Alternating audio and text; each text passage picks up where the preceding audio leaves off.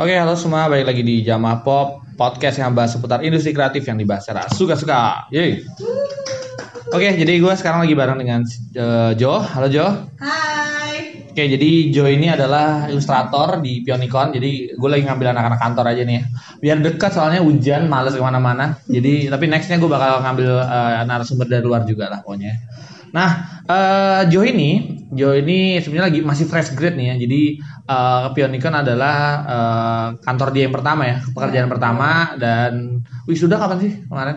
Wisuda itu kemarin bulan Desember. Bulan Desember ya, inilah ya dua bulan lah ya Iya. dua bulan eh, apa namanya dari wisuda ya sekarang gitu. Nah gue mau nanya-nanya sih sebenarnya soal fresh grade nih. Tapi kenalan dulu lu. Jadi kenalan dulu deh. Kenal kenalan kenalan apa ya? Kenalan dong. Apa apa yang perlu lu kenalkan ya? Gue juga bingung. Apa ya Jo? Ya udah deh lu memperkenalkan diri deh. Nama lu siapa gitu? Hai, nama gue Johanna Febriani, biasa dipanggil Joh. Heeh.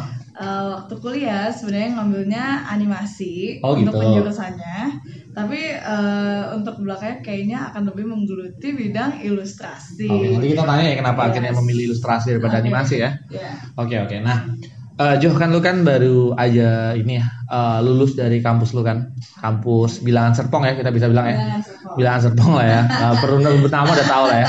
Nah, eh lu sebagai mantan mahasiswa baru aja nih, kemudian sekarang lu ada di dunia industri, industri lu melihatnya dunia dunia kuliah dulu kayak gimana dengan di kalau kita bandingkan dengan dunia industri ya saat ini. mungkin dulu lebih apa ya belum ada bayangan jelas ke Hmm.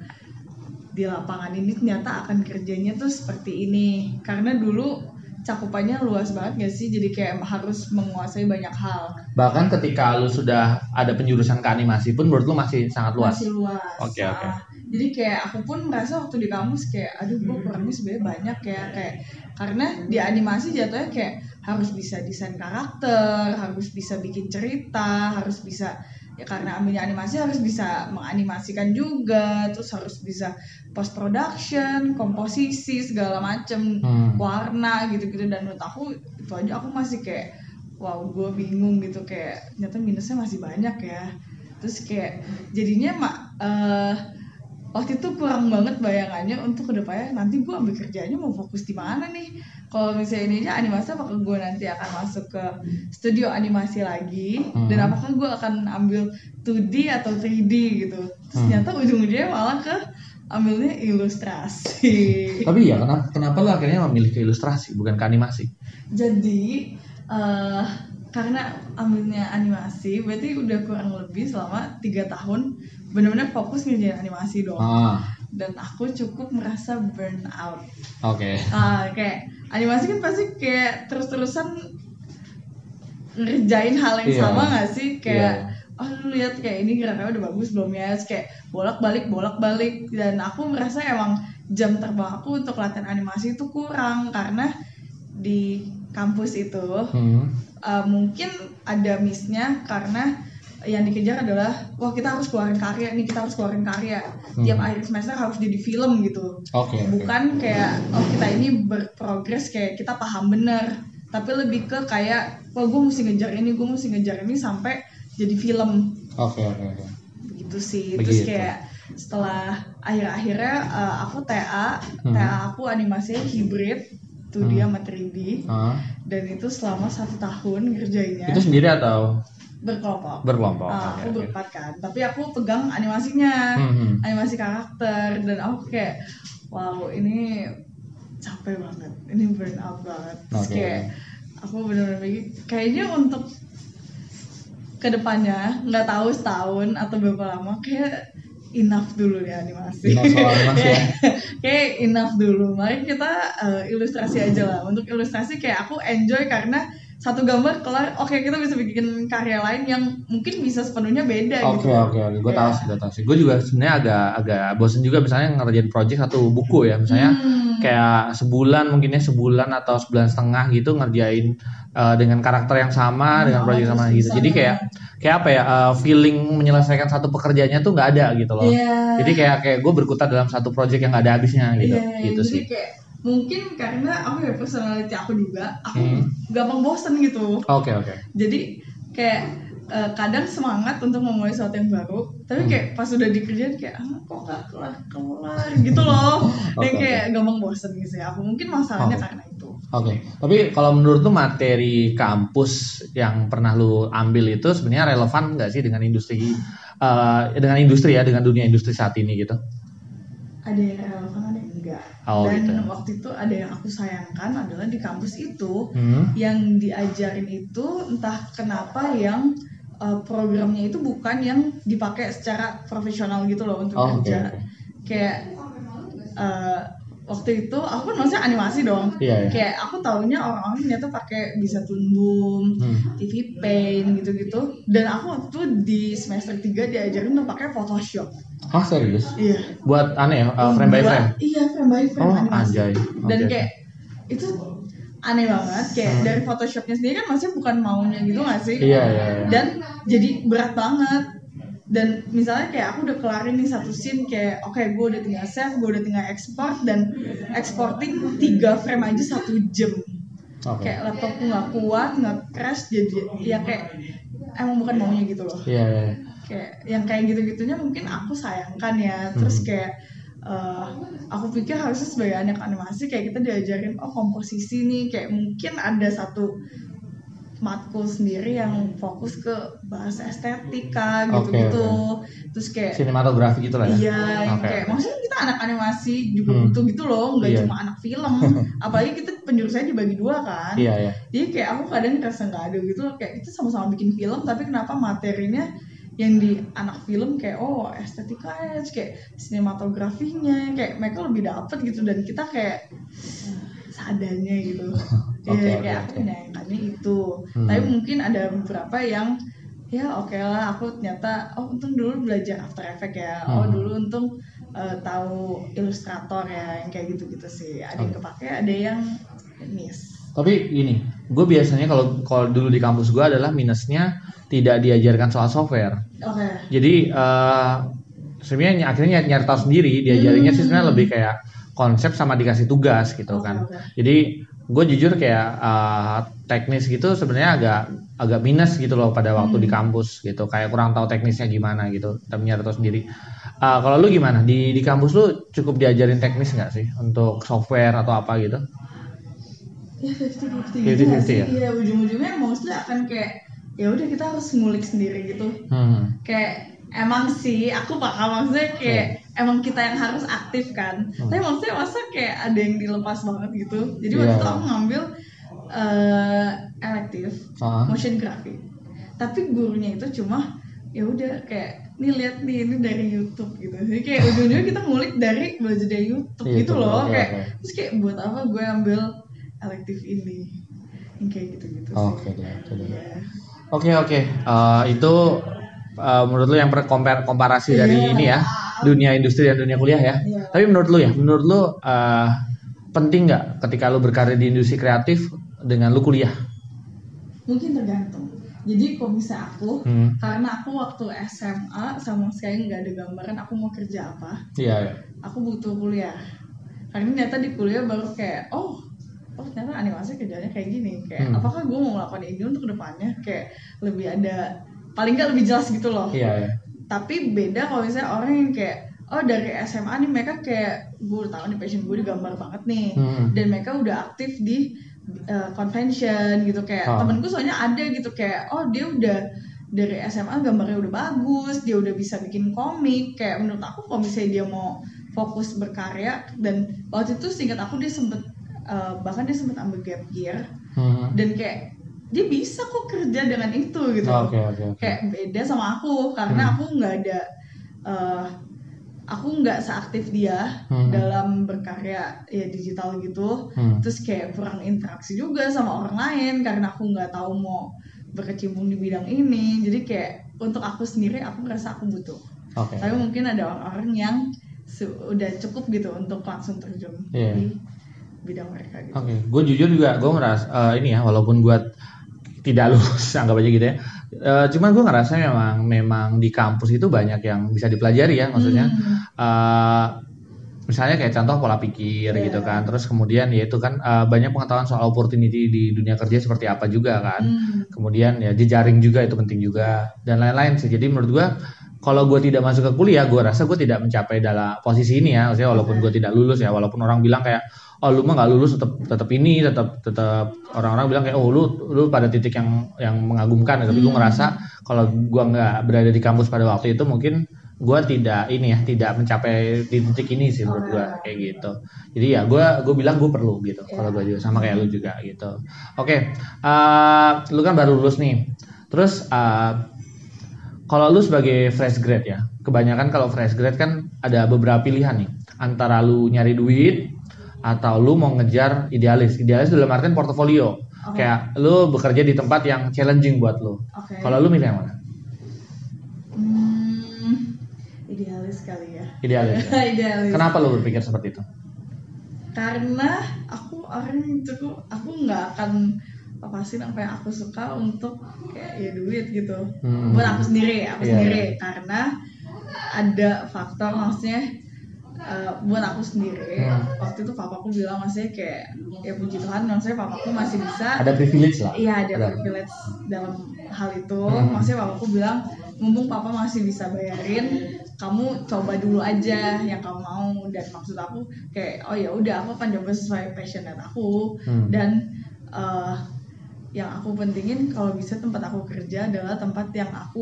nggak harus merubah style aku secara Oke, oke, drastis gitu. Oke, oke. Itu catatan lu ya berarti. Ya.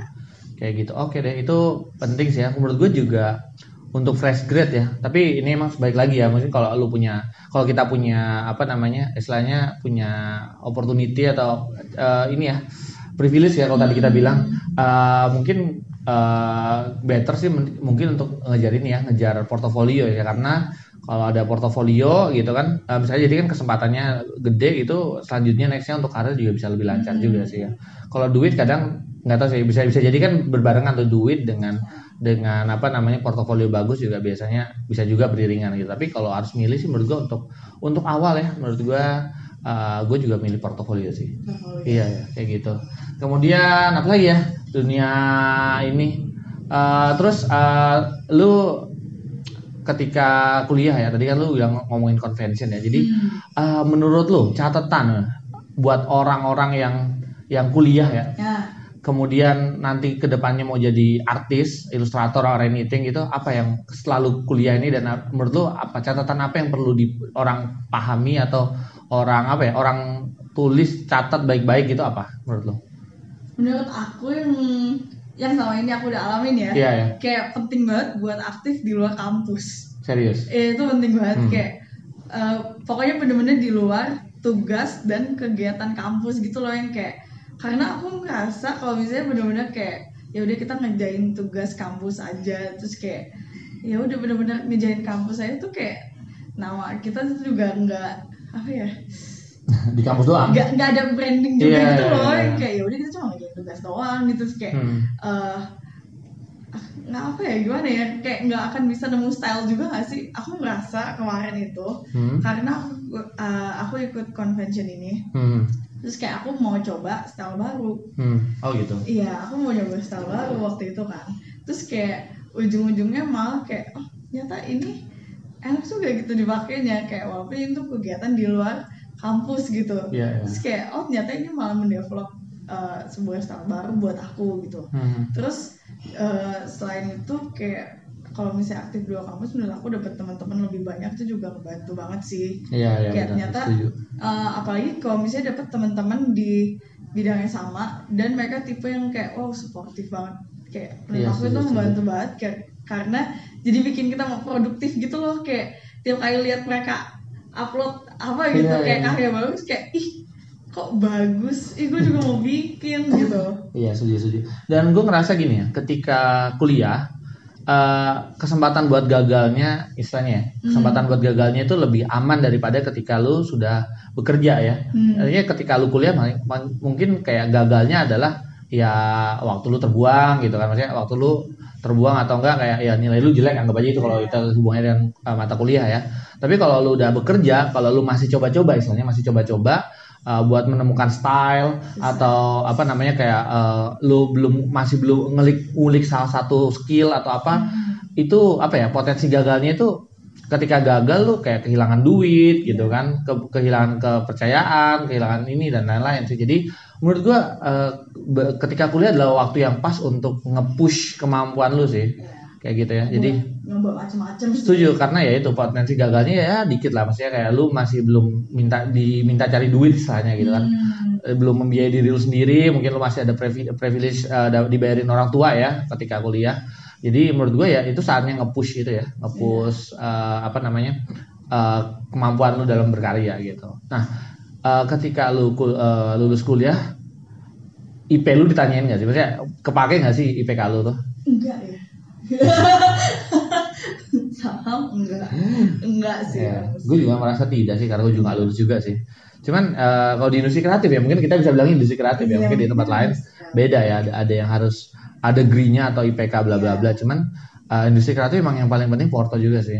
Dan dan ini ya kalau gue bilang ket- eh, dengan yang lu sampaikan tadi soal eh, membangun karya ketika lu kuliah itu benar sih ketika ketika lu udah keluar lu punya portofolio banyak punya nama Hmm. itu lebih gampang mendapatkan pekerjaan atau lebih gampang istilahnya ya eh, karir lu juga lebih gampang naik istilahnya gitu ya gitu setnya bisa jadi nggak kalau di graphic design ya pertama yang pertama itu graphic designer gitu kan habis itu baru art director bla bla bla kan. Jadi bisa bisa jadi kayak bergain gitu loh bergain untuk karir juga kan. Hmm. gitu gitu. Terus apa lagi loh yang lu rasakan ketika uh, fresh grad maksudnya dunia kampus dan dunia ini apalagi yang yang menurut lu perbedaannya? Apa ya? Sebenarnya. Teman-teman teman gimana? Kalau teman gimana? Maksudnya pergaulan pergaulan gitu? Pergaulan. ya berarti pergaulan artis ya maksudnya uh, dalam berkarya ya? Ah, gimana?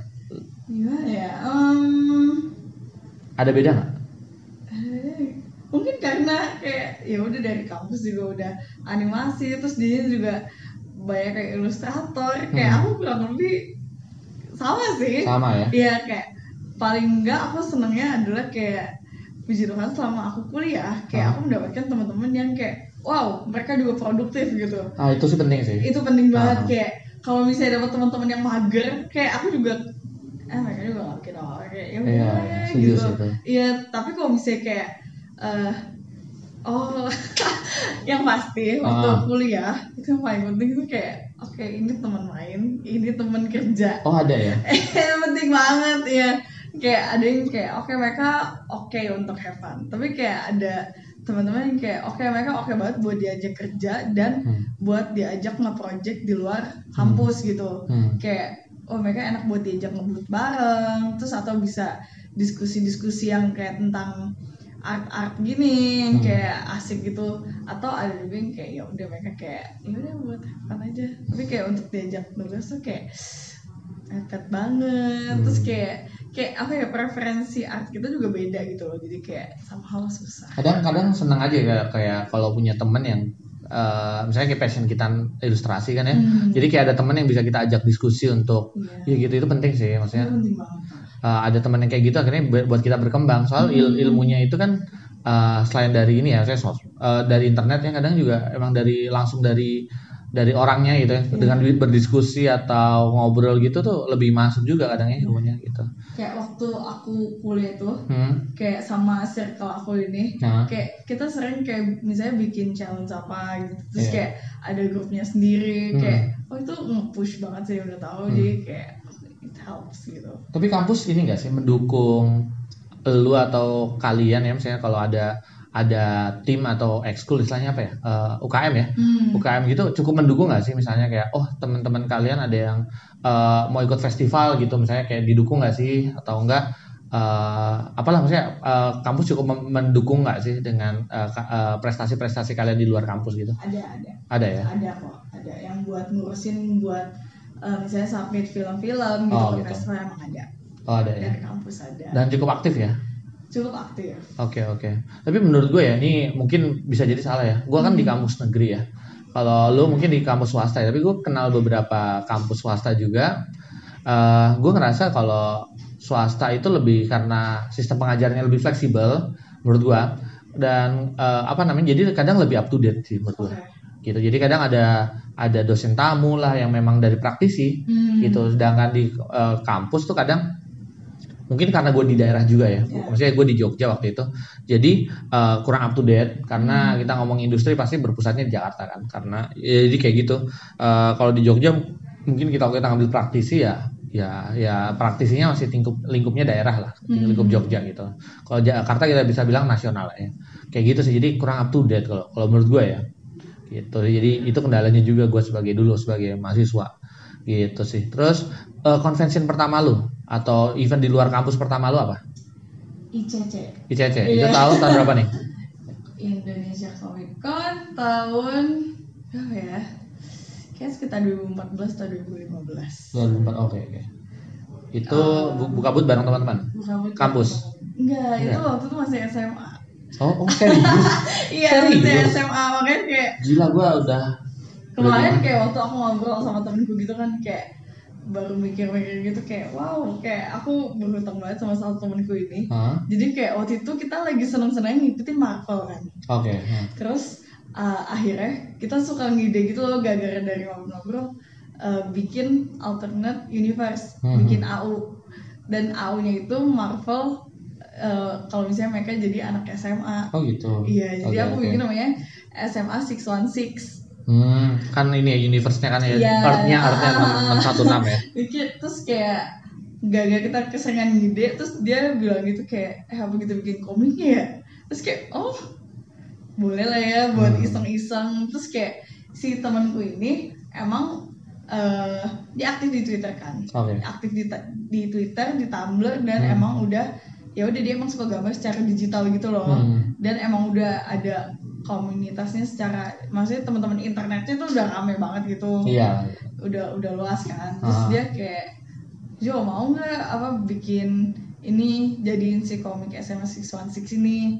Paling nanti kita jual di ICC kan pas banget tuh maksudnya yang western kan Hmm. fandomnya kan. Terus aku kayak ya oke lah boleh lah buat iseng-iseng lah ya. Iya iya. Terus kayak eh kayak akhirnya pertama kali beli Panther tuh aku masih SMA tuh gara-gara itu Oh gitu. Berarti lu sudah menentukan ini ya eh, apa namanya lu mau masuk di kafe istilahnya gitu ya? enggak Enggak. Lu, lu belum menentukan, lu suka gambar aja. Iya, ya? cuma suka gambar. Oke, ya, oke. kayak oke lah ya buat latihan gambar. Jadi kayak aku dulu cuma ada hobinya, Ah. hobinya gambar. Tapi kayak nggak tahu kayak ke depannya aku mau kerja jadi apa sih kayak belum pikirin sampai ke situ. Hmm. Tapi kayak ya udahlah ini for fun aja. Ini For for, fun, fun. for fun aja kita bikin komik terus kalau temenku kita jual kayak ya udah kayak menambah uang jajan boleh lah Iya. gitu kan. Responnya gimana? Responnya ternyata rame banget Oh, waktu gitu. eh, waktu Comic Con kayak kejual berapa puluh gitu kan terus Hmm. kayak oh ternyata ini oke gitu terus eh, akhirnya setelah dari ICC itu Hmm. aku lanjut terus kayak kalau misalnya dia buka booth aku akan buka booth bareng temanku ini Iya. Pas SMA itu kan terus SMA kelas 3 itu? SMA kelas 2 kelas 3 waktu Oh gitu. Wah, Terus- sangat muda ya. Oke. Ya, terus habis itu akhirnya masih lanjut sampai aku kayak semester satu atau dua gitu di kampus Hmm. temanku ini yang ngambil gap year tadi Oh iya iya. Iya. terus kayak kita masih bisa buka booth bareng kan Hmm. terus habis itu dia eh, akhirnya kuliah Iya. terus aku kayak oh no nggak punya teman booth lagi gitu kan terus eh, akhirnya coba buka sama teman-teman kampus Oke. oke. gitu terus kayak ya udah masih berlanjut sampai sekarang Oke, berarti eh, convention yang lu ikutin apa aja berarti? ada ICC Ah, terus popcorn popcorn. terus belakangan ini CF Dan yang paling oke menurut lo apa? Secara maksudnya secara pendapatan, secara marketnya, secara tempat mungkin apa? secara pendapatan CF Pendapatan CF terus iya CF karena apa ya kayak karena belakangan aku mungkin banyaknya bikinnya fan art oh fan art ya. Iya, itu uh, di CF emang oke banget menurut aku. Hmm. Kayak emang marketnya untuk uh, fan art gitu. Hmm. Justru untuk jual originals agak susah kecuali kita udah punya nama. Ah ya ya. ya. Nah, tapi waktu aku popcorn Hmm. itu justru buat originals sangat baik. Sangat baik ya. Iya, sangat Oke, baik oke. sebenarnya. Terus kayak pas popcorn itu mungkin enaknya adalah bisa kenalan sama artis-artis yang udah mantap lah. Oke oke. oke. Ya yang kayak namanya udah ada lah. Hmm. gitu sih Berarti Cece nggak dapet apa-apa nih. ICC apa ya mungkin tergantung kayak Ah. kita lagi apa tapi kayak makin lama aku mikir kayak orang ke ICC tuh karena mereka mau beli barang-barang official gak sih Official luar ya tapi ya. iya Hmm. kayak kayak aku Hmm. personally kayak ke ICC untuk melihat barang yang kayak ya udah mungkin official atau Oh. aku bisa beli mainan gitu loh Hmm. terus ke artis Ellie mungkin oke untuk lihat-lihat kalau misalnya emang ada yang fine oke tapi bukan itu tujuan utama aku gitu. Iya, itu itu Iya. kedua lah ya. Iya, Setelah kayak dapat kedua, original ya kalau misalnya lewat terus kayak oh oke ada yang bagus gitu Hmm. baru baru beli gitu Oke oke. Nah, eh kalau ketika penjurusan ya kan dari eh, kuliah lu kan, mat- d- eh, dari kuliah lu ambil kuliah terus kemudian kan ada penjurusan nih. Nah, a- apakah ketika lu mengambil penjurusan itu lu udah udah udah tahu ke depannya lu bakal kerja di bidang apa? Soalnya di kampus gua dan beberapa teman gue juga kadang yang udah lulus eh, itu tuh kayak jadi kayak agak bingung gitu loh. Hmm. Mereka mau ke mana?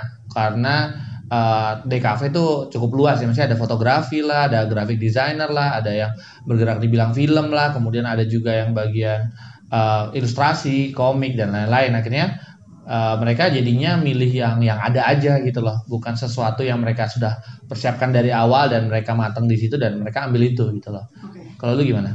kalau misalnya aku Ah, jujur hmm, waktu aku masuk semester satu itu hmm, aku bersyukur sih jadi waktu itu di kampus aku semester 1 2 itu masih yang foundation. Oh, oke. masih foundation year. Jadi kayak aku masih dapat semua.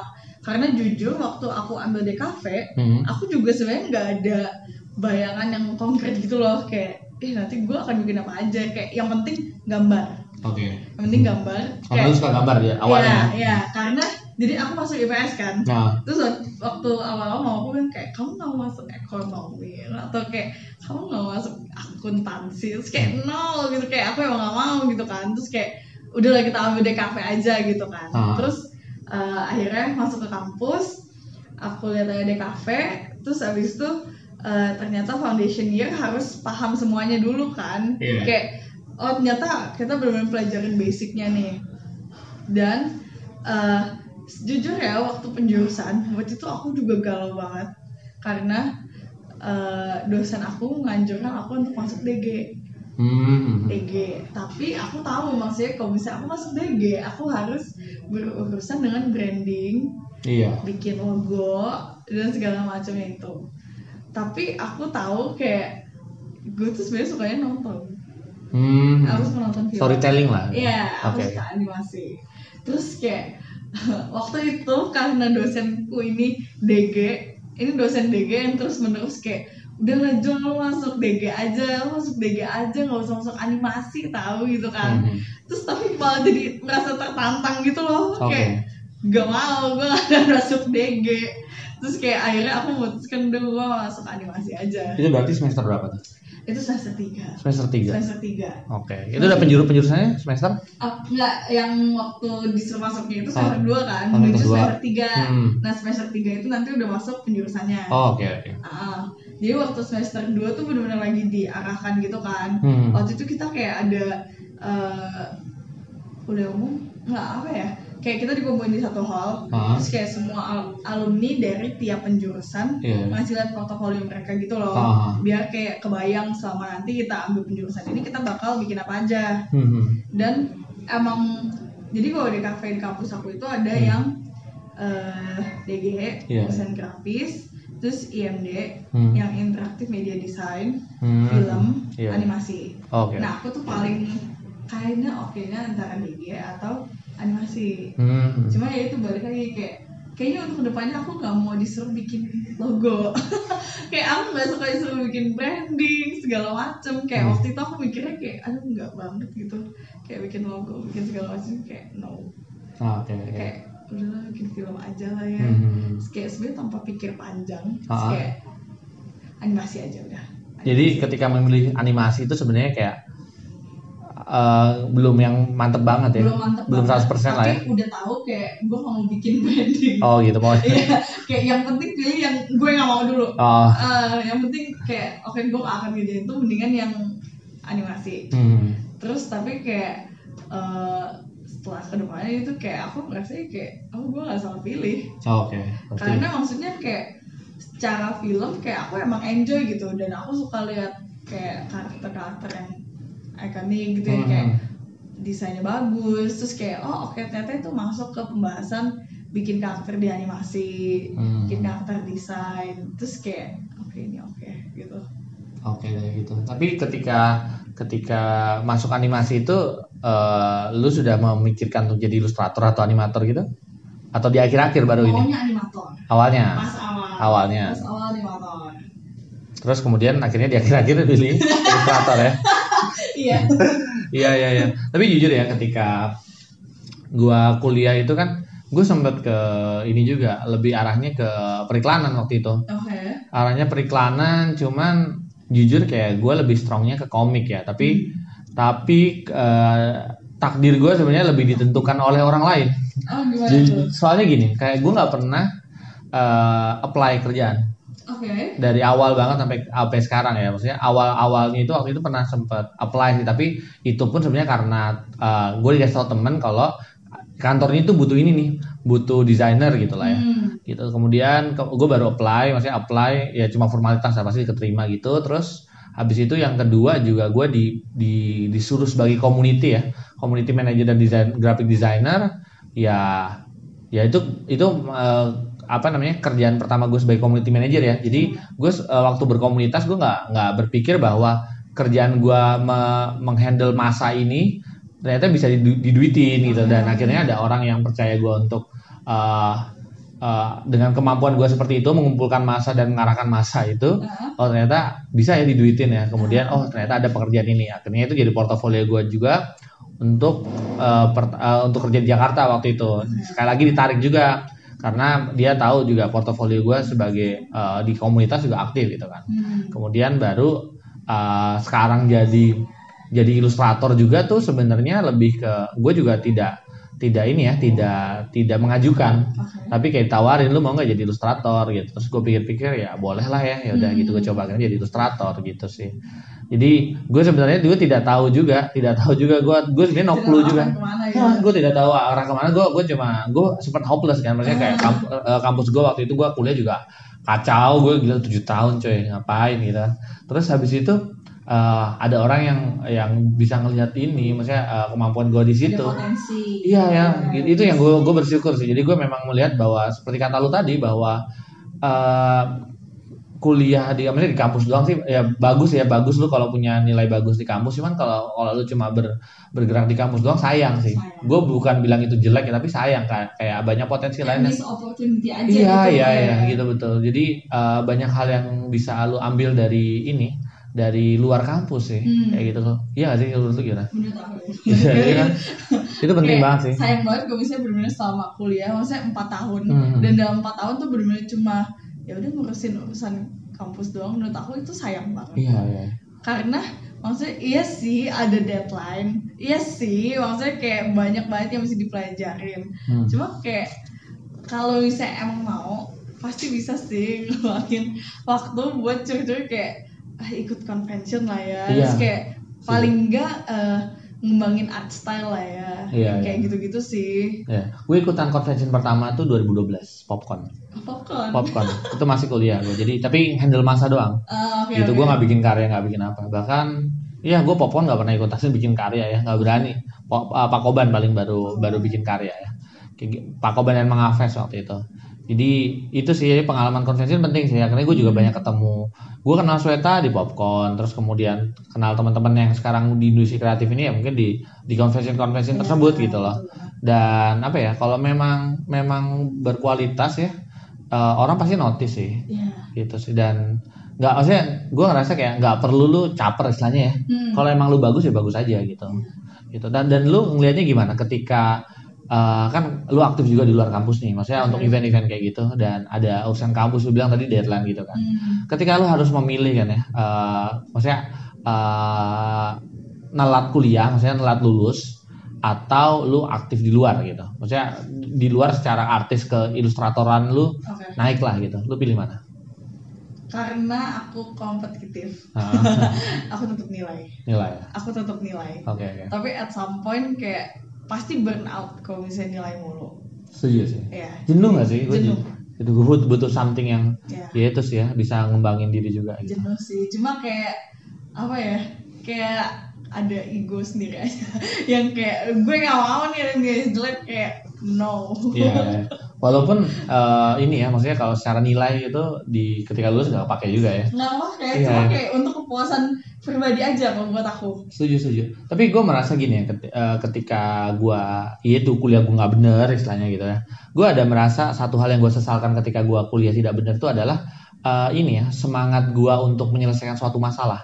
oke Jadi kayak misalnya kayak tugas kampus gitu. Kayak gue lebih memilih ah gue eh, yang gue suka aja yang gue suka pada waktu itu adalah berkomunitas di komik kan ya gitu. Tapi gue ngerasa bahwa eh, per- perasaan itu atau ini apa attitude itu ya attitude menyelesaikan masalah itu tuh eh, bisa didapatkan dengan eh, itu ya se- se- sesulit apa pun sehektik apa pun lu dalam berkegiatan di luar tapi lu tetap bisa menyelesaikan tugas kampus lu gitu loh Hmm. tanpa tanpa justify apa pun ya alasannya gitu ya. Jadi menurut gue itu sih itu yang yang menurut gue akhirnya menyelesaikan tugas bukan lagi soal nilai tapi adalah soal mencari attitude itu.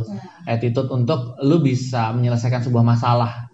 Kayak gitu sih yang, yang gue rasa karena ketika gue gua kerja gitu awal-awal kerja gue jujur juga jelek sih di Jakarta ini. Jadi gue perasaan gue untuk menghadapi ketika menghadapi suatu masalah kayak ah, ntar dulu deh gitu. Oke, dan gue merasa itu attitude gue terbangun karena ketika muda gue kurang nge-push diri gue oke. Gue ngerasa seperti itu sih. Oke oke jadi tapi gue telat ya. Misalnya gue gue telat banget ketika sadar itu ketika gue udah membangun karir. Makanya gue Hmm. bilang ketika gue gagal di dunia kerja eh, resikonya lebih besar daripada gue gue gagal di ini di ketika kuliah gitu. Jadi kuliah adalah waktu yang tepat untuk lo nge-push diri sendiri sih. Iya. gitu sih. Ketika kerja tuh akhirnya jadi kayak lu kadang harus karena waktunya terbatas karena antara kerja dan dan lalu waktu lu istirahat akhirnya kayak lu harus milih salah satu gitu kan. Hmm. gitu sih. Jadi susah banget time management Setuju, Pas setuju. itu susah banget. Dan ini kadang di karena kampus gua tuh legend banget ya. Legend dengan orang telat lulusnya. Oke. Jujur ya ketika angkatan gue yang lulus tepat waktu cuma dua orang. Serius? Serius. Empat tahun ya. Empat tahun dua orang coy. Oh, gila. tahu. Nah, jadi eh, waktu itu gue pernah ya, ini gue juga, tapi gue ini juga sih ya, maksudnya bandel juga. Waktu itu Hmm. dikasih hitung-hitungan ya, maksudnya kayak, eh, lu kuliah, budget lu kuliah berapa? Gitu kan. Oke. Eh, abis itu sekarang lu sebulan lu dapat berapa kali sih untuk apa namanya freelance gitu kan? Hmm. Untungan mana maksudnya kayak rugian mana gitu ketika ketika lu dapat freelance yang seberapa dengan biaya kuliah lu plus dihitung dengan biaya hidup lu kalau lu ngekos Hmm. gitu kan banyakan mana yang waktu apa duit yang lu buang karena waktu kan uh, mungkin intangible ya maksudnya. Kalau yang tangible adalah kan uang gitu kan oke jadi kan kalau lu menyanyiakan satu semester lu kuliah dengan apa freelance yang lu dapat sebenarnya worth it nggak sih? Terus gua berpikir seperti ini. Misal gua kuliah lulus gua uh, kuliah lulus tepat 4 tahun ya. Kemudian gue mulai berkarir. Ketika gue berkarir eh, sedangkan tem, eh, teman gue misalnya gitu lulusnya tujuh tahun gitu kan ya Eh, ketika gue berkarir empat tahun menuju teman gue yang lulus eh, tujuh tahun berarti gue punya tiga tahun dalam membangun karir. Ya. artinya ketika gue mungkin masuk eh, apa gue lulus eh, fresh grade gue ngambilnya eh, graphic designer. Ketika gue tiga tahun mungkin gue jadi eh, art director atau creative director dengan tiga tiga tahun pengalaman kan. Sedangkan teman gue baru lulus walaupun skillnya bagus tapi as karir dia bakal mulai sebagai graphic designer. Kayak gitu. Jadi menurut gue kuliah tepat waktu itu penting. Ya. jadi eh, yang pertama soal itu tadi eh, attitude lu maksudnya punya punya punya insight bahwa lu eh, bisa menyelesaikan masalah lu tanpa lu kabur dari masalah. Gitu. Kemudian yang kedua adalah soal berkarir. Gitu sih. Maksudnya eh, kalau ada teman lu yang telat misalnya setahun dua tahun bedanya adalah setahun dua tahun pengalaman kerja dan itu penting. Ya. ketika lu apply apply kerjaan walaupun skill lu bagus tapi lu belum punya pengalaman kerja itu uh, beda sih maksudnya ya. Uh, perusahaan juga uh, melihatnya berbeda Iya gitu. sih. Iya. setuju setuju nah uh, kemudian lo akhirnya memilih magang kan setelah magang uh, tempat magang yang seperti apa yang yang lu pilih maksudnya uh, pertimbangan apa aja yang lu pakai untuk menentukan tempat magang gitu Hmm. Jadi ya cerita awalnya dulu. Ah. Kenapa tiba-tiba eh, menemukan kantor ini sebagai tempat magang. Oh. Jadi waktu itu ada tugas. Iya, iya. Jadi kan waktu itu aku TA dulu, baru akan magang. Iya. Dan aku dapat mat matkulnya itu namanya professional development. Hmm. Nah di situ kayak eh, mereka mempersiapkan kita yang belum magang nih, baru Oh. semester depan mau magang untuk eh, oh nih cara kalian bikin portofolio, cara kalian bikin cover letter, terus nih kalian latihan deh, kalian cari nanti ngincer mau magangnya di mana, Hmm. kalian bikin ini apa namanya cover letter, kenapa ingin eh, magang di sini, Oke, oke. terus kayak cari info tentang eh, kantor ini gimana sih history terbuatnya terus kayak siapa sih HRD-nya terus ya intinya mempersiapkan kita biar nanti apply-nya dengan baik kan Tapi itu diajarin ya? diajarin Gue gak diajarin sih. aku diajarin waktu itu Bagus lah itu, bagus. Itu nah tapi sayangnya jadi kan angkatan aku kebagi setengah Hmm. satu magang dulu satu TA dulu Oh, yang gitu. TA dulu dapat pelajaran itu Oh, oke, oke. tapi yang magang dulu mereka nggak dapat pelajaran itu Oh, iya, iya. iya. kayak hmm, sekali. sayang sekali tapi tapi biasanya memang magang dulu baru TA kan? Ya, ini kan di kampus lain tuh biasanya gitu. kampus lain harusnya begitu Iya. ya Nah. Oh, terus kayak kemarin karena aku bagi dua ternyata eh, aku dapat dulu kan Ah. terus eh, akhirnya cari-cari-cari akhirnya aku buka-bukain web kan. Hmm. kayak mana sih yang buka magang? Terus kayak gue mau kerja di mana ya? Terus kayak gue mau ambil apa ya? Terus kayak masih berpikir-berpikir. Terus waktu itu eh, yang paling menarik buat aku waktu itu dalam menentukan kayak gue masuk sini deh. Itu buka webnya dulu. Dan di webnya yang art stylenya sesuai sama aku. Oh, Gitu. oke oke. Art style-nya ya. art style dulu. Soalnya aku ngerasa ngerubah art style itu akan makan waktu lagi nggak sih kayak Iya, kalau usia segini iya. akan susah gitu loh Setuju, untuk setuju. uh, menyesuaikan aku lebih ke takutnya kayak oh uh, misalnya nih kayak oh uh, studio-studio yang kayak stylenya render gitu Hmm. kayak wow ini keren banget sih tapi kayak style gue yang sekarang kayak kalau misalnya gue keterima berarti gue harus menyesuaikan lagi dong Iya, iya. kayak gitu daripada nanti keterima tapi terus kayak aku feedbacknya jelek karena Iya, ya, iya, tidak nggak- sesuai ya. bisa catch up Hmm, gitu. tidak bisa mendingan ya aku cari dengan yang oh oke ini emang style gue yang sekarang kayak ini masuk. Aku sih kemarin pertimbangannya itu. Hmm. terus kayak oh akhirnya menemukan Pionicol terus kayak dengan webnya yang kayak oh penuh karakter. Jadi aku selama aku eh, udah ambil penjurusan animasi Hah? ternyata aku menikmati untuk bikin karakter Karakter. Oke. aku selalu bagian karakter desain Hmm. karakter desain atau nentuin warna Oh iya sih. Iya yang kayak gitu-gitu pokoknya oh ternyata ini sebutnya IP Hmm. terus buka webnya Pionicon kayak oh ini bergerak di apa namanya karakter base gitu kan Iya. terus kayak oh oh wow menarik terus kayak oke ini menarik banget gitu terus kayak eh, aku lihat eh, style-style kayak oh, masih masuk dengan kayak warnanya juga warna-warni gitu Warna kan yang lebih ini ya, saturate gitu ya. iya Hmm. kayak oke ini sesuai sama style gue gitu jadi Hmm. menurut aku itu masuk sih Lebih pop ya, warnanya sih lebih pop ya. iya warnanya gitu. pop gitu Iya, iya, iya. terus kayak mainnya oke ini kayak menjadi salah satu inceran gitu atau waktu itu nemu juga kayak eh, studio animasi itu juga masih tetap aja sih aku pertimbangan paling utama itu tetap style Style. tetap ah, Oke, oke. jadi yang yang ini ini jadi ini ya uh, catatan juga buat gue dalam artian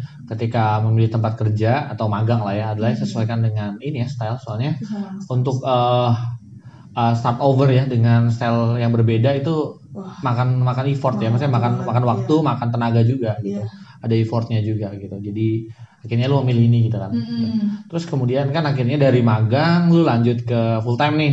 Iya. Apa yang akhirnya mempertimbang apa ya jadi pertimbangan lu untuk memilih tempat kerja lu yang sekarang gitu. Eh, eh, selama tiga bulan kemarin Ah. kayak aku merasa tempat ini eh, karena aku orangnya adalah eh, ngikutin mood Hmm, kalau iya misalnya aku nggak klik sama lingkungannya aku kemungkinan nggak akan lanjut Oke, oke. jadi kayak walaupun kerjanya enak tapi kalau misalnya kayak oh oke kayak orang-orangnya eh, nggak bisa membaur gitu. Kayak Hmm. aku kalau misalnya aku nggak bisa ngobrol nggak bisa membaur nggak bisa intinya nggak bisa bersosialisasi di tempat itu. Hmm. kemungkinan aku nggak bisa kerja di situ. I see. ya jadi oh ternyata kemarin selama tiga bulan berjalan dengan baik.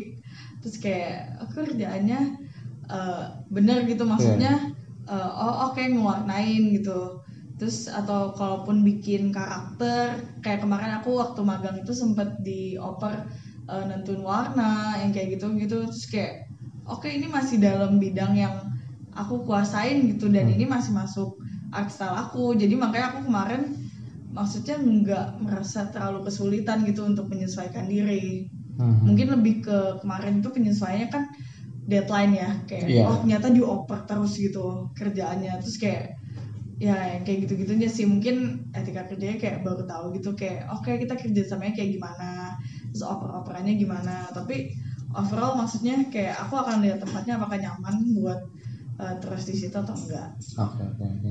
Kalau dulu tuh gue pernah dikasih tahu sama ini ya, salah satu senior di Tempo ya, maksudnya sangat senior ya, Mhm. udah tua gitu.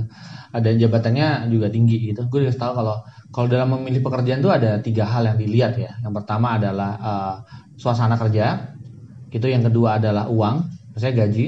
Yang ketiga adalah karir. oke Setidaknya dalam memilih pekerjaan lu harus eh, paling nggak dua yang lu pilih, gitu kan. Kalau bisa tiga ya alhamdulillah, tapi biasanya dua. Nah biasanya kalau yang bekerja di industri kreatif itu yang paling dibutuhkan yang harus ada adalah suas- suasana kerja soalnya berhubungan dengan mood Iya, atau apa namanya banget. dengan karsa ya kayak gitu dengan ra- rasa rasain jadi kayak jadi eh, perlu ini perlu apa namanya perlu mood itu penting gitu karena membangun kreativitas gitu sih. Mhm. jadi ya ya masih inline ya dengan apa yang lu pilih akhirnya gitu Iya.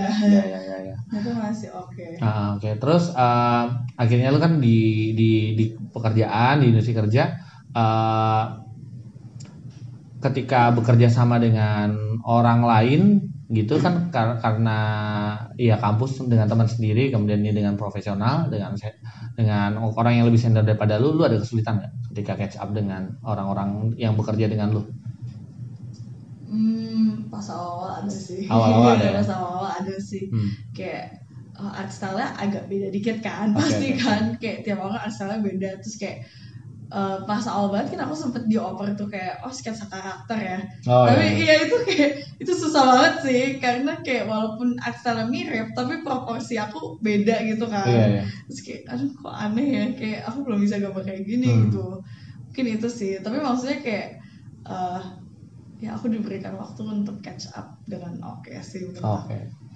Dan ketika misalnya gini, lu kan eh, sekarang misalnya kerja ilustrasi gitu kan. Hmm. Sekarang ilustrasi yang lu kerjain biasanya kan eh, background atau color atau biasanya eh, ya itulah ya atau untuk eh, gambar-gambar aset lainnya kan. Iya. Misalnya lu dikasih kesempatan eh, untuk eh, job desk yang nggak pernah lu kerjain gitu. Anggap aja kayak eh, jadi kon oh konsep apa per- pernah ya lu ya? SpongeBob.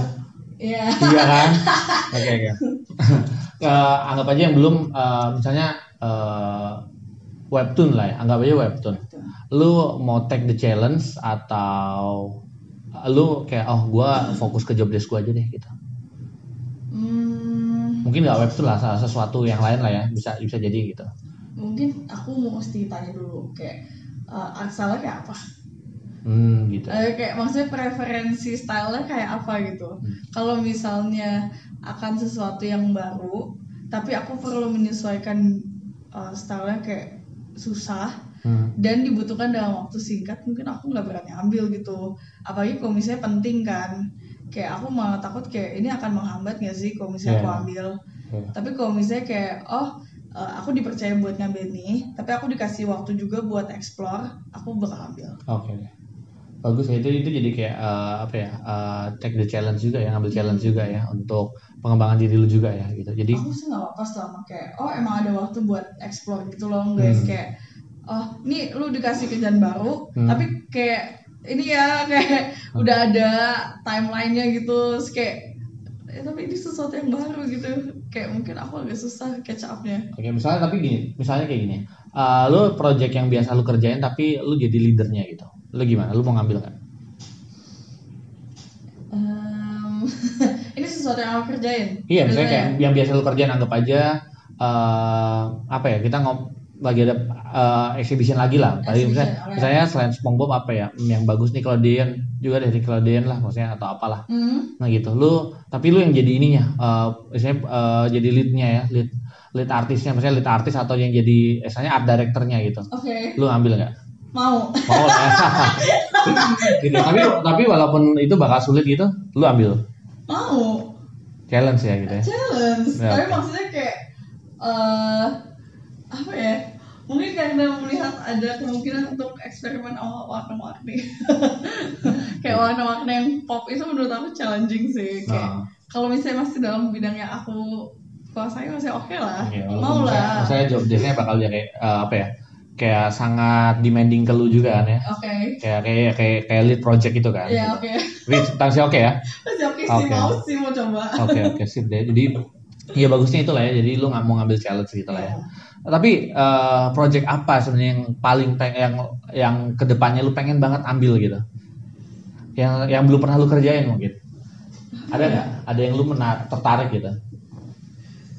Kalau gue tuh gue sebenarnya webtoon sih. Maksudnya gue gue pengen banget eh, megang megang yang project webtoon gitu lah ya. Hmm. Tapi gue sebagai artisnya ya. Hmm. Karena kalau kalau project manager gue udah udah sering kayak gitu. Kalau lu apa ada? Webtoon menarik sih Webtoon menarik webtoon menarik gitu.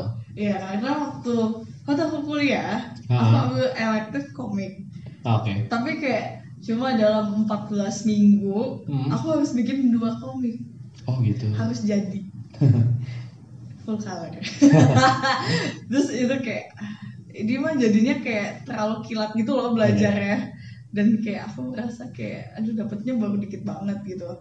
Tapi kayak menurut aku hasil karya yang waktu itu Hmm. harusnya aku bisa perbaiki lagi sekarang Oh gitu. kayak mungkin bisa dalam format webtoon dong Hmm. kayak menurut aku itu challenging sih so Oke. sih Menarik ya. webtoon menarik ya? menarik dan kayak masih iya harus jadi artisnya Iya. harus iya. jadi artisnya Nah, eh, tadi kan project yang lu inginkan. Kalau Hmm. skill yang lu ingin capai ke depannya apa? Ini yang terdekat apa? Dan skill.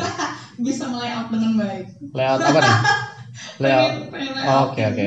Layout maksudnya kayak ilustrasi ya, maksudnya secara komposisinya gambar. komposisi Oh, ya oke, oke. mungkin lebih ke desain grafis juga nggak sih ujung-ujungnya Hmm, iya ya. Tapi itu maksudnya peng- peng- pengetahuan dasar kan semiotika, eh, bukan semiotika namanya nirmana ya. oke Pengetahuan nirmana kan maksudnya soal layout lah, soal komposisi Hmm, lah itu sebenarnya kayak gitu-gitu tuh diajarkan di nirmana dan eh, maksudnya itu basic basic pengetahuan yang harus dimiliki ilustrator, desainer, atau knitting atau fotografer bahkan kan. iya Semuanya itu butuh itu ya komposisi dan, dan Iya. itu skill yang pengen lu capai saat ini. pengen banget itu penting banget kayak aku merasa kesulitan kayak oke gue bisa gambar Hmm. tapi kayak kalau misalnya mau gue jadi di buku gimana kayak Iya. naruhnya bingung loh untuk taruh misalnya bikin zin gitu Iya. kayak udah ada sih kumpulan gambar ya cuma kayak gimana cara bikin layout buku ini bagus gitu Iya. yang kayak gitu sih Kalau gue tuh pengen pengen color pertama warna ya. Oke. Jadi belajar warna lagi. Terus kemudian yang kedua adalah eh, meleng, apa ya melengkapi sebuah gambar yang yang penuh gitu loh. oke Gue ngerasa kayak misalnya kayak gue bisa nih naruh background ini bla bla bla. Jadi gue tuh kadang suka kebingungan bagian background dan akhirnya gue kasih satu warna doang, satu warna solid Hmm. gitu loh. Jadi eh, makanya gue di di eh, apa ilustrasi ilustrasi terakhir gue tuh gue mencoba melawan kemalasan gue itu dengan membuat background gitu loh, Back- background background yang rame ya. Oke. Kayak gitu sih. Itu itu yang pengen gue capai sih. Kayak gitu ya. Eh, terus apa lagi ya? Eh mungkin ini ya yang terakhir deh ya. Eh ke depannya apa yang lu sebagai lu karir ya berkarir gitu. Apa yang pengen lu capai? Mungkin sebagai karir atau artis deh. Oke.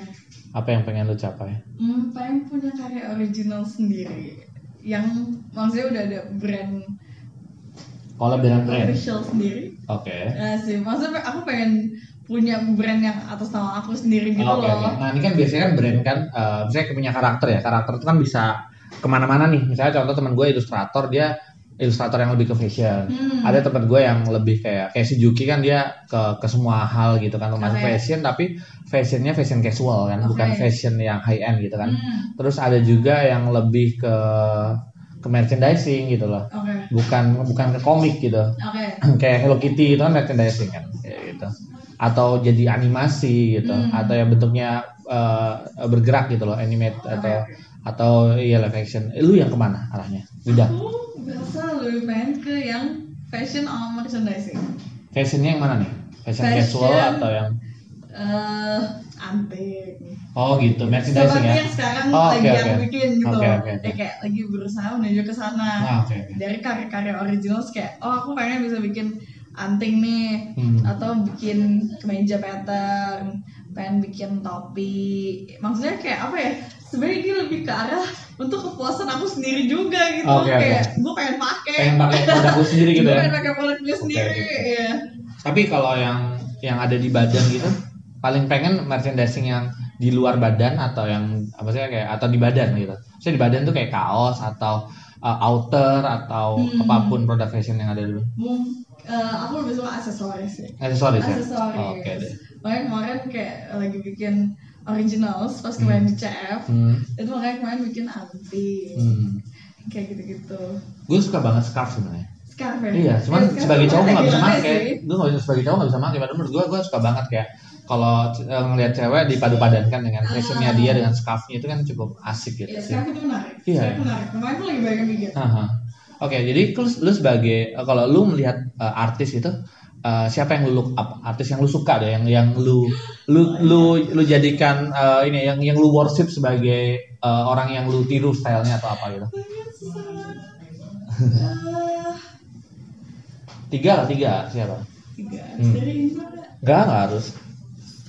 Dilihat di Instagram coba. Eh, coba gue dulu kali ya ya. dulu. Kalau gue tuh eh, ini ya, gue pernah gue pernah cerita ke lu ya. Yang pertama Lore Danzo, dia teman gue juga dia dia warnanya itu sangat sangat pop ya, sangat saturate terus kayak sangat sangat lucu, unyu karakternya sangat lucu dan Eh, oke. merchandising dia bagus banget dan dia juga maksudnya jadi jadi eh, apa namanya jadi stiker jadi eh, produk fashion dia sweater jaket terus apa pun itu juga bagus banget. Kemudian yang kedua tuh Anjohing ya gue suka banget warnanya. Iya, dari Singapura dia Anjohing gue suka banget warnanya dan gue eh, di awal-awal tuh gue ngepick warna juga dari dia juga. Terus eh, ketiga tuh ini tuh Isa Panik. Sebenarnya Isa Panik itu emang colornya tuh gila sih. Gue suka banget kal- colornya dia tuh terutama kuningnya. Entah kenapa tuh dia selalu bisa memberikan warna kuning. Kuningnya dia tuh sangat ini ya maksudnya dia dia memberikan eh, apa ya eh, center of interestnya di situ loh di warna kuning entah entah kenapa gue ngerasa ketika melihat karyanya warna kuningnya dia tuh yang selalu stand out gitu loh Oke oke. jadi gue gue entah kenapa deh gue ketika gue ngepick ya ya kuningnya kuning biasa berarti artinya dia mencipt- menciptakan environment di sekitar warna kuningnya itu yang bagus Somehow bisa bikin itu. Iya, bagus. ya dia bisa membuat environment di mana dia bisa warna kuningnya bisa stand out gitu loh. Stand out gitu. Jadi gila sih gue suka dan dan ke, eh, apa gue ngelihat eh, gaya ilustrasinya dia itu banyak banget kan. Di apa di fashion ada di waktu itu di Aqua juga dia ikutan dan lain-lain lah gila sih. Dan yang terakhir dia kan lebih ke ini kan kayak band-band gitu kan. Dia jadi kayak cover albumnya band atau jadi cover lagunya sebuah sebuah ya band terakhir Niji kayaknya Eknoid itu. Nah, eh gue ngelihat ya beberapa karyanya dia yang dulu adalah soal surrealismnya itu sih. Jadi eh, dia nggak apa ya? Gue bisa bilangnya bukan surrealis ya. Jadi kayak ada karakter-karakter ya surrealis sih berarti. Karakter-karakter yang aneh itu berada di eh, di di situ dan tapi kelihatan indah gitu loh. Oke. Kalau gue bilang Kendra, dari Kendra itu dia eh, tipikalnya itu psychedelic tapi aneh banget gitu loh. Tapi ini tuh yang dia aneh yang indah dan lucu gitu loh menurut gue ya. Jadi gue suka banget dan dan itu gue apply ke ke ke gaya ilustrasi gue Eh, ini eh, di bagian apa ya? Jadi di sekitar karakter gue, OC gue itu gue ada beberapa hal yang aneh gitu loh, yang yang gue gue gunakan gitu. Misalnya kayak contoh tiba-tiba ada daun bawang atau ada paus di langit atau apa gitu yang yang gue pergunakan. Tapi jujur ya soal warna sih gue gue kalah banget sih sama si ini sih, sama si Isa Pane itu gila sih bagus banget menurut gue. Gitu, lu gimana nih perkembangannya? Sudah menemukan? Aduh, kayak sangat banyak gitu. Ya udah satu deh satu yang lu sangat suka ada nggak? Satu. Satu deh. Satu yang sangat mempengaruhi aku dulu. Ah, Itu si Brian Lee O'Malley, si artisnya Scott Pilgrim. oh oke oke. Itu- Iya sih, iya sih selalu kayak gitu ya. Iya, Iya, iya, aku gua justru sadar, ya. mulai style aku kayak gitu karena Ah. aku lihat buku dia yang seconds. Oh, oke oke. Jadi waktu itu itu eh, referensi aku Ah. buat bikin yang tadi yang matkul komik aku. Iya iya. Terus aku merasa kayak wah dia dia punya bagus banget semua. Ah. Terus aku kayak mulai mencoba untuk mengapply itu kan di Hmm. karyaku. Terus kayak menarik. Ah, ini seru banget kayak eh, kayak sebelum sebelumnya aku Hmm. merasa ngelain art itu sangat susah. Oke. line art itu sangat susah dan kayak line artku itu jelek banget Ah. karena kayak udah geter-geter terus kayak jadi gue mau line art tebel apa tipis gitu kayak nggak jelas gitu Gue kan belum bisa tuh kayak gitu, gue pengen sih. hmm, kayak aku nggak jelas gitu Ah. kan terus em, akhirnya aku lihat punya dia terus kayak coba line art tebel kali ya Iya. terus aku mulai coba-coba juga eh, nyoba brush yang gepeng Oh, oke oke, nyoba gue brush yang gepeng karena aku nggak bisa pakai yang bulat Iya. aku tuh nggak bisa ngatur tebel tipis gitu Iya, loh kalau di CSP tuh mapping. Gitu, Ah, mapping. di Photoshop kan susah kan Iya, iya. Nggak- udah nggak ada stabilizer terus kayak ini jelek gitu lah kayak Iya. brushwork aku jelek banget terus kayak akhirnya nyoba pakai si brush gepeng ini Ah. terus ngikutin uh, style dia dulu awal awalnya Hmm. terus kayak ah ini lumayan fun gitu kayak ternyata pakai brush tebel itu seru gitu iya. terus kayak mendapatkan vibe-nya beda gitu kayak oh, kom komik Amrik gitu iya, iya. yang kayak gitu-gitu sih Gitu ya. Kalau color lu ada nggak? Kalau color Color. ke mana arahnya lu? Soalnya gue ngerasa gini ya, kayak tiap artis itu akhirnya yang membedakan satu yang dengan yang lain ya, yang paling kelihatan ya, gue bilang paling kelihatan color. Gue bisa kayak, kayak bilang, oh ini tuh colornya Dila Maharani, oh ini colornya si siapa namanya Asyong, oh ini colornya si Isa Panik gitu. Jadi kayak kalau ngelihat mood colornya tuh ketahuan nih siapa gitu. Lu ada nggak? ada harusnya Harusnya ada. ada harusnya tapi kayak aku menyimpan sangat banyak referensi itu sampai kayak oh no Tapi biasanya biasanya siapa? Western atau ke ke Asian gitu? Biasanya lu. Western Western ya? Western mungkin karena aku lebih prefer warna yang pop gitu nggak sih aku aku seneng pakai uh, limited color palette gitu Hmm.